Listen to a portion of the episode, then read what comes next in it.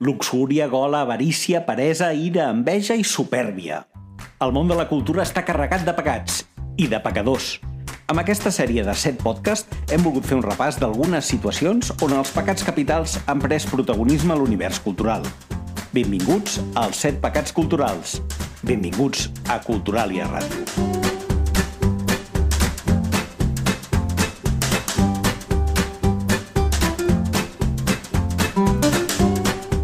Capítol 1. Peresa.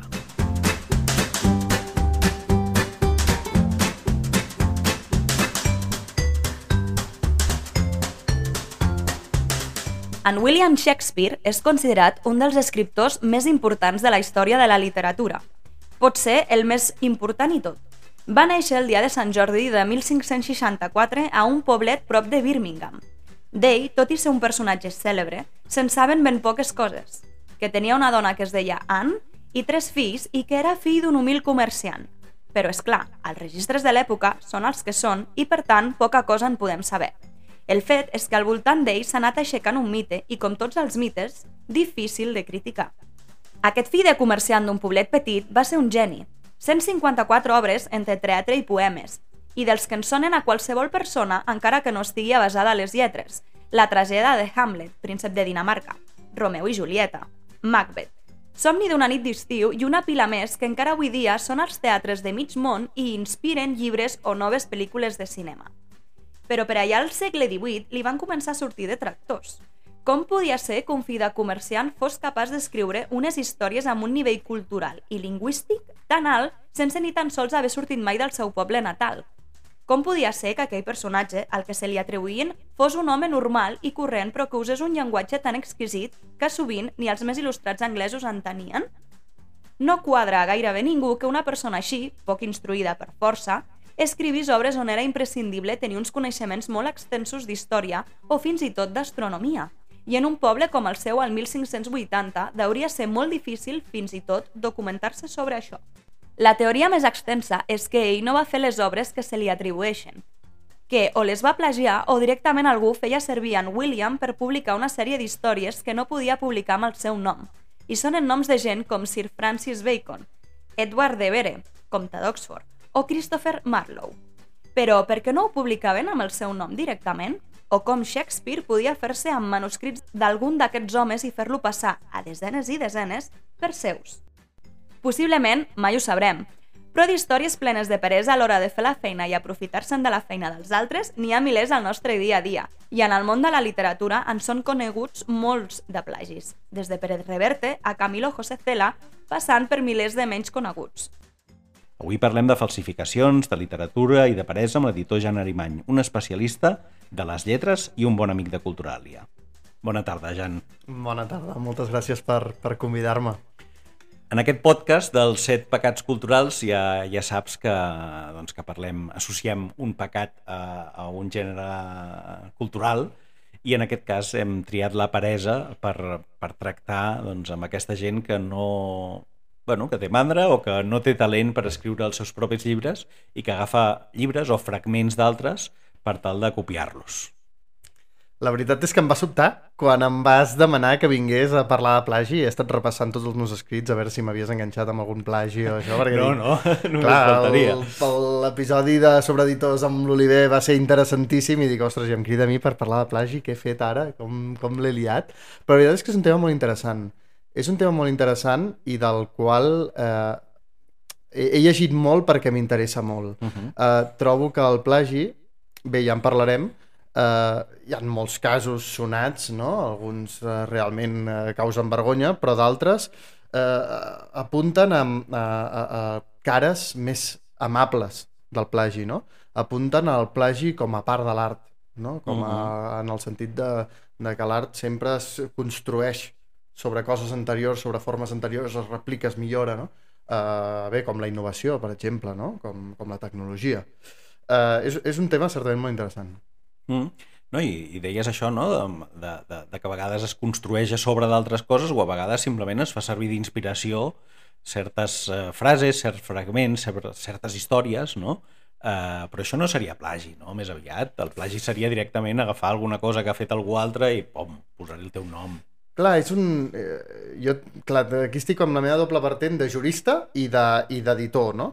El tema del plagi és una cosa molt interpretable. Com en general, tot lo dels drets d'autor, tot lo de propietat intel·lectual, clar, fins a on és plagi, on està la línia, no? Eh, eh, tenim tots clar que, que mm, copiar un paràgraf o, o, o cinc pàgines senceres exactament igual, textualment igual, potser canviant algun article, tots estarem d'acord que això és plagi si no menciones o no referències no? mm. -hmm. tot això eh, però a partir d'aquest cas tan clar eh, les línies no són interpretables i per tant eh, doncs els tribunals aquí eh, realment s'encarrega a catedràtics com a experts judicials a l'hora de determinar si hi ha plagi o no.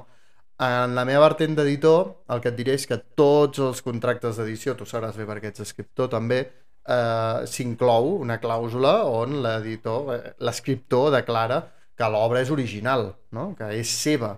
Uh, i, i aquesta clàusula és, és molt important. Home, clar, l'editor se'n renta les mans, però que si no li cauria, li cauria un puro a sobre que déu nhi eh, si, si es demostra que està plagiat. Totalment. I, i ja no només el, el puro legal, sinó el puro de reput reputacional. Clar, sí, sí. Això Sense realment, el, un plagi pot enfonsar una carrera literària i pot, bueno, la reputació en el tema de l'art és, és, és molt important, no? Tu has mencionat alguns, alguns molt interessants, com William Shakespeare, no? I, i realment hi ha teories i eh, bastant exteses que William Shakespeare en realitat eh, no va escriure res. Que, I i, i m'interessa tots els noms que has mencionat, especialment el de Christopher Marlowe, perquè em sembla un, una persona molt interessant, era espia. Eh, era espia i de fet es va, es va, va, va morir bastant jove eh, en, una, en una bronca, en una lluita, en una disputa, en una taverna, no? I Molt, molt de l'època, eh, això. Una història també molt de l'època. molt de l'època i molt sospitós, perquè dius, "Oh, un espia, no?, que representa que això... I es va morir molt jove. I dius, segur que es va morir?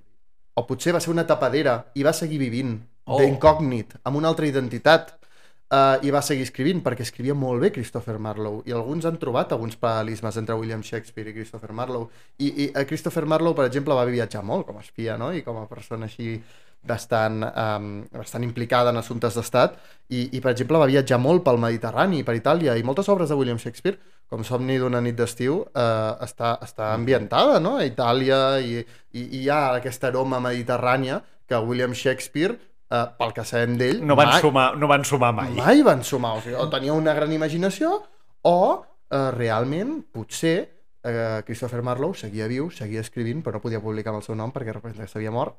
No? Eh, bé, hi ha moltes teories, a mi el William Shakespeare és un tema que m'interessa m'interessa molt justament pel poc que es coneix, no? Eh, qualsevol cosa sobre la seva vida i això és, és, és com un miracle i és com, eh, bé, eh, han corregut rius de tinta, no?, sobre la seva Però vida. ha, n'hi ha hagut de miracles d'aquests, o sigui, tampoc, pobre home, ara estem atribuint de, que les obres no eren seves, però potser sí, i potser sí que era un geni, i potser sí que, que, que, que, que el mite, doncs, eh, a darrere té una bona base, no?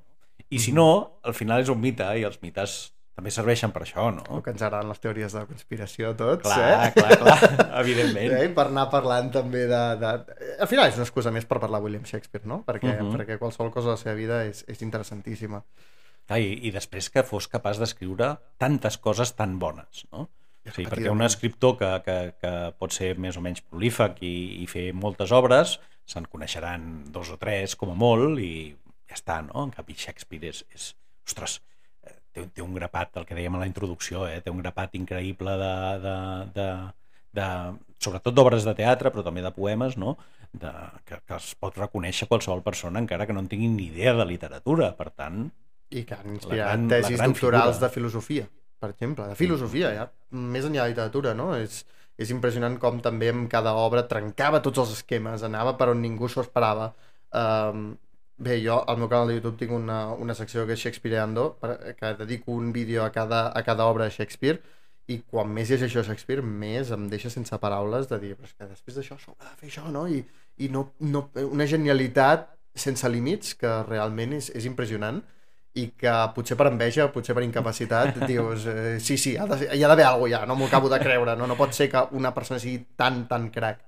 Uh, però potser sí, potser realment una persona humil amb una gran imaginació no? i una gran sense gran formació va, va, va crear tot això, és perfectament possible. Vull dir, com Bueno, es digui, es digui William o Christopher, al final són obres eh, que passaran, que han passat i, i que passaran a la història i que, Totalment. que han deixat un llegat al·lucinant, que el que dèiem, eh?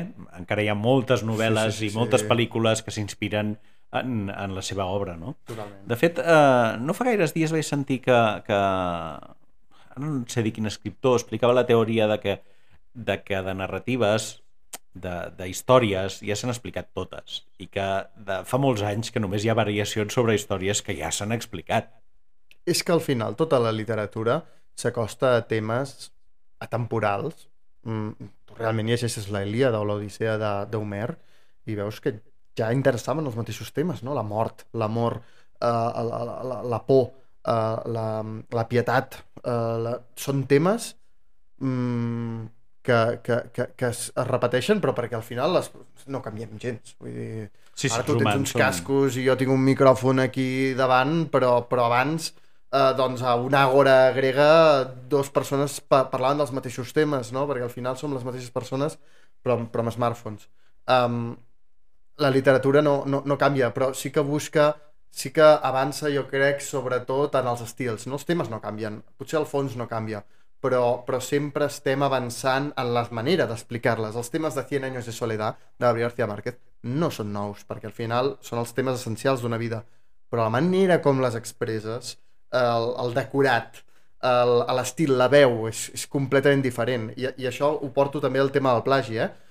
Uh, quan és plagi i quan no, quan estem construint sobre aquesta base amb noves veus, amb una nova ambientació, amb una nova uh, manera de narrar i quan estem copiant directament, no?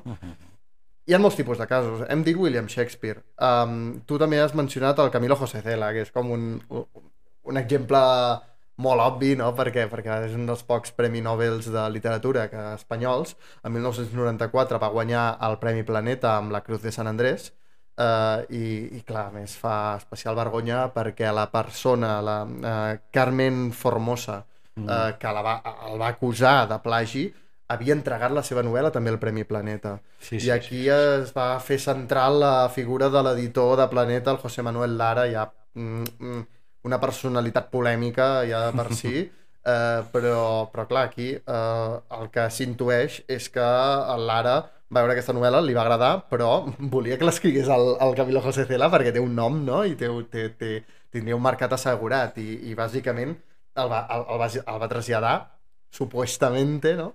A, a, a, perquè l'escrivís el Camilo José Cela.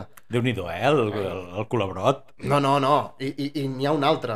Alfaguara aquest cop, el José Saramago. Les Mhm. intermitències de la muerte eh, també va ser acusat de plagi per una persona que també l'havia eh, l'havia presentat a l'editor d'Alfaguara i, i que mar marcava els mateixos temes. Potser no era tan, un plagi tan evident com el de Cela, però també s'havia... donat- O sigui, aquí diguéssim, en la temàtica de plagi els editors no tenim massa, massa bona reputació en el sentit que moltes vegades els interessos comercials han portat els editors a dir "Mm, aquesta novel·la m'agrada però vull que l'escrigui aquell altre nom i aquest és un altre tema que, que mereix un episodi part, eh? Com els eh, noms dels autors acaben sent marques. Clar. Eh, no? Al final, eh, Ken Follett és una marca. O Mhm. Stephen King és una marca. Evidentment que darrere hi ha un escriptor, però s'acaba convertint en una marca que ven. I ven molt. I no cal, potser no cal anar a, a superestrelles del món literari, eh? Autors catalans que, que han fet grans llibres i que han tingut grans llibres que veus que ara publiquen no diré noms perquè ningú se Digues, m'ofongui, digues però... no, no, no cal, no cal. Però, però que ara publiquen llibres que dius, mare meva, qui l'ha vist i que el veu, no?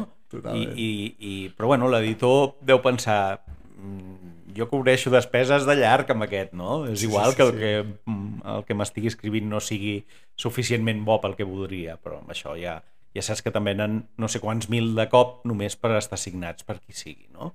Hi ha alguns autors que tenen vendes assegurades. En aquest sentit, per exemple, el Premi Nobel és un clar exemple, no? Hi ha aquesta fama de que quan un escriptor guanya el Premi Nobel és perquè a partir d'ara ja no publicarà res bo, no? Un exemple, des del meu parer personal, com no, és el Vargas Llosa, no? El Vargas Llosa va escriure grans novel·les, va guanyar el Nobel eh, i, i el que ha publicat després mm, per mi és d'una qualitat molt més baixa, però clar, és el Vargas Llosa, és Premi Nobel de Literatura, Cap, eh, no pots Clar. dir-li res, aquest home ja. però té a, ve- té a veure precisament això, jo crec, la baixada de qualitat en la poca exigència de dir és que es vendrà, mm, aquest es pot, pot publicar la seva llista de compra, que serà bestseller i, i es vendrà a tot el món i es traduirà a tot el món. Ja no ha d'autoexigir-se, perquè el seu nom ja ven, no? Mm. Eh, Home, I això és abans així. que parlaves del Ken Follett, que va fer aquella, aquella, aquell llibret petit sobre eh, Notre Dame, que, que dius, a veure, això, això és una atraco amb armada, no? Clar, però, clar, però, però, clar, ho, ho pot fer. Ho pot fer, perquè pot ja s'ha guanyat el nom i, i ho pot fer. No sé, Jaume Cabré, tu deies,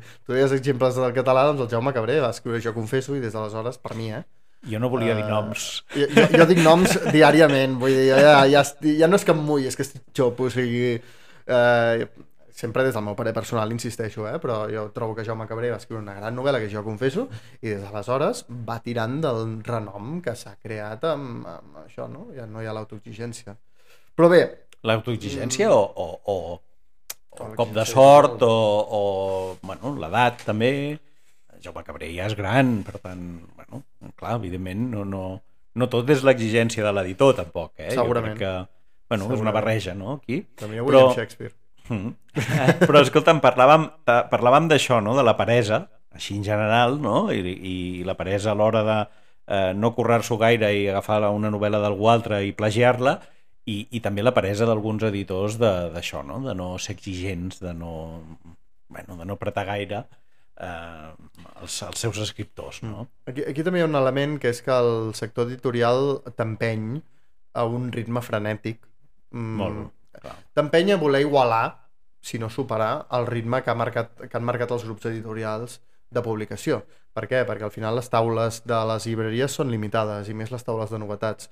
El grup, els, grups, els grans grups editorials han marcat un, un, un ritme de publicació molt ràpid que fa que no permeti treballar bé els llibres. Per tant, o tu t'autobligues a marcar el teu propi ritme i dir, no, jo, aniré, jo no publicaré tant, però publicaré bé, o et porta a un ritme que moltes vegades, doncs, certament fins i tot, això empeny també els escriptors a plagiar. M'atreviria a dir no, que aquesta, quan aquesta pressió cau sobre els escriptors, hi Clar. ha històries d'escriptors no, que, que, que expliquen, de dir, és que clar, tenia l'editor darrere dient i ho hem de treure, ho hem de treure, ho hem de treure, eh, doncs al final aquesta pressió eh, moltes vegades segurament els deu empènyer, no?, el plagi, però també ve marcat per, per, per una societat doncs, certament capitalista, eh, on la competitivitat ho és tot, eh, i, que, i, i que constantment t'està animant a, a, portar, a portar un ritme insostenible. Sí, és que de fet ja hem arribat al punt de que està passant com a les botigues de moda, les botigues de moda aquesta de gran cadenes que, que tu veus una camisa i si no la compres avui no hi vagis la setmana que ve perquè ja no la trobaràs aquella camisa, perquè ja ha desaparegut del mapa, a les llibreries ens està passant el mateix gairebé, eh? que a vegades si no agafes un llibre després per aconseguir-lo costa un munt. Tenen la vida molt limitada. De fet, vaig llegir l'altre dia que per Casa del Libro eh, un llibre de tres setmanes ja és fons. És considerat fons, ja no és novetat. Clar, quan tu a més estàs dintre del procés de creació d'un llibre i veus tot el temps i tot l'esforç que exigeix Tot, un llibre... clar, clar, l'escriptor, l'escriptor, ostres, L'escriptor, eh, aleshores, eh, crea mesos i mesos i mesos treballant perquè després en tres setmanes ja passi és- amb, és- el, amb una estanteria de- d'un racó És immediat, no? i, i, i, es tornin, i es tornin desenes de caixes que si no s'han vengut en tres setmanes ja no consideren que no es vendran. Això per mi és un cercle viciós, un cercle destructiu eh, absolutament tòxic, no? I que, i que t'has de resistir a entrar, a entrar cap aquí. Però sí, sí.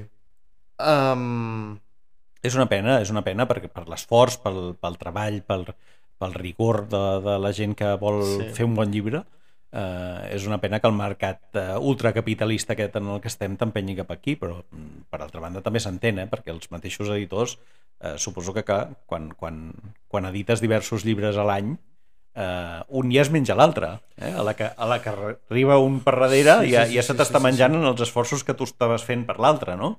a nivell de màrqueting, a nivell de comunicació a nivell de presentacions, a nivell de, de tot no? No, però també un missatge d'esperança és que, per exemple, jo a la meva editorial publico 8 llibres a l'any um, i estaran bé. Vull dir que hi ha públic per, per aquest, aquest model editorial, hi ha públic, um, hi ha gent que ho entén i a més no només publico 8 llibres a l'any sinó que mantinc el fons completament actual vull dir, Només cal fer una ullada a les xarxes socials de Trotalibros per veure que constantment en- encara parlo de la Guàrdia, el Palacio de Hielo, de els dels primers llibres de l'editorial, no? Per tu mi el sí, fons és molt tu important. sí, però la llibreria ja, ja no els Ah, té no, a primera no, fila, clar, sí, sí, llavors clar. ja... Amb això les xarxes socials sí que no... potser han, han ajudat, han ajudat a... Uh -huh. a A poder- intentar que aquest sí. David contra Goliat, eh, que és el mercat, eh, doncs eh, Ah, ja seguim. ens, ens pugui permetre ser allà, no? Però sí que és veritat que, clar, l'editor ha de fer una feina molt gran, però n'hi ha que no estan disposats a això. N'hi ha que allò que eh, fa tanta, tanta, tanta pena quan, quan esbrines el concepte de guillotinar, què vol dir, Sí. que és que, bueno, que això, van, passen per la guillotina els llibres que no, que no s'han venut al cap de molt pocs mesos i que li ofereixen a l'escriptor si els vol comprar per un preu ridícul i tenir-los en caixes a casa. Jo crec que aquest és el gran paper de, de les editorials independents, eh, realment. Eh, crec que Mm. aquest és el gran paper, perquè eh, jo tinc molt clar, i sempre ho he tingut, que no puc competir amb els grans grups editorials en quant a ritme, en quant al número de publicacions al mes. Jo, jo no puc competir amb ells, és, és impossible. Per tant, jo des del principi vaig tenir clar que jo, amb el que podia competir amb els grans grups editorials, és amb la cura en els llibres, en acompanyar-los bé, en comunicació, en ser insistent d'acompanyar-los, fer actes, um, um, no? la nota a l'editor final, uh, els detalls de l'edició, acompanyar-ho tot molt. Amb això puc competir amb ells, no? perquè ells van tan ràpid i van publicant tant que ells això no s'ho poden permetre. Um, per tant, clar, eh, eh, les, eh, les editorials independents, és, i també diria les llibreries independents, l'esperança de les llibreries independents i les editorials independents és precisament a, en això.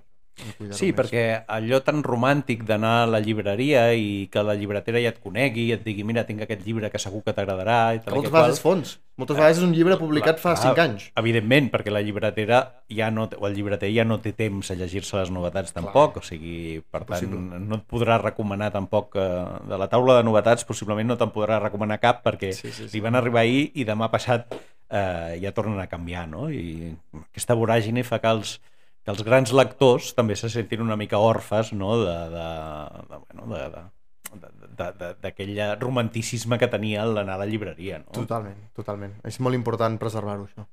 Mhm. Sí. Molt bé, doncs escolta, hem parlat de la peresa, hem acabat parlant de l'antiperesa, que és eh, precisament el que fas tu a Torrota Libros, que és tenir aquesta cura de tots els detalls, precisament eh, buscar que tot eh, estigui mimat al, al mil·límetre i que eh, jo crec que es nota moltíssim, moltíssim quan cau a les teves mans eh, un tro de libros, Moltes es veu gràcies. molt eh, doncs que en allà, si hi ha alguna cosa no hi ha, és peresa. Aquest és el millor lògic que... Però quan, també quan una cosa t'apassiona, eh, realment la peresa no té, cap, no té cap sentit, no? No té lloc quan una cosa realment, realment t'apassiona. I m'agradaria acabar amb una recomanació literària, Vinga, va. eh, que, que és un, un assaig que, que s'ha publicat recentment, que és Plàgia millor, de, de Manel Uller. Està publicat a la, a la nova col·lecció d'edicions del Periscopi que fan conjuntament amb l'Escola Bloom, a la Biblioteca de Luz.